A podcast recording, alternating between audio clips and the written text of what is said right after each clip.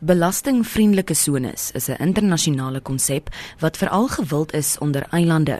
Die voorsitter van die Johannesburg Metro se artikel 79 komitee vir ekonomiese ontwikkeling, Franco De Lange, sê die konsep lok onder meer internasionale beleggers. As jy kyk na areas soos Mauritius, indien jy 'n maatskappy in Mauritius begin, het jy 'n 15% koöperatiewe belasting wat jy betaal en nie 'n sent meer nie. So dit is 'n baie aanloklike konsep vanaam vir groot internasionale maatskappye wat dan in 'n land sou inkom om dan hulle fabriek of hulle werksaamhede in die land te vestig. 28% is jou normale koöperatiewe belasting. So daar is miljoene rande wat so 'n koöperatiewe maatskappy kan spaar indien hulle dan in 'n land se ekonomie belê en ook hulle werksaamhede in so belastingverlaagde sone dan natuurlik vestig. Die komitee het verskeie gebiede besoek in die aanloop tot die voorstelling van belastingvriendelike sones.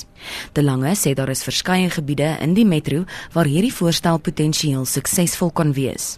Hy sê mikro en makro-ekonomie as ook kleiner informele besighede moet in ag geneem word indien die sones toegeken sou word. Ons was in Soweto gewees. Ons het daarso Mamelodi Oos gaan besoek en Dobsonville En dan was ons ook onlangs gewees in Marlborough Suid wat 'n ou industriële gebied is langs Alexander. Nou baie van die gebiede het of nooit voorheen ontwikkeling gehad nie of die plek het so vervalle geraak dat baie van die fabriekeienaars het net moed opgegee en hulle het hulle fabrieke maar net so gelos. Daai tipe areas is perfekte gebiede waar jy werkskepping daar en dan vir die mense wat daar bly kan gee maar dan ook internasionale of lokale maatskappy kan inkom, die belastingvoordeel kry en dan weer daai in werkskepping kan omset om seker te maak dat die gemeenskap ook dan voordeel daaruit trek. Hierdie sone sal bydra tot werkskepping, dit sal beleggers lok en uiteindelik ekonomiese ontwikkeling in die stad verder aanwakker.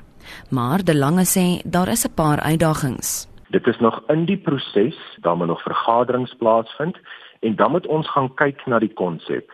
Is dit 'n konsep wat die stad alleen kan aanpak? Moet ons dan met provinsie praat of moet dit op 'n nasionale vlak deurgevoer word? En natuurlik, is die begroting in die volgende finansiële jaar reg om so gebied dan te ontskep en ook herzonering van grond want sekere van die gebiede is nog plaasgrond en dit moet geherzoneer word waar jy fabrieke kan opsit en waar jy kan vervaardig. Dit was die voorsitter vir die Johannesburg Metro se artikel 79 komitee vir ekonomiese ontwikkeling Franco De Lange. Ek is John Marie Verhoef vir SAK nuus.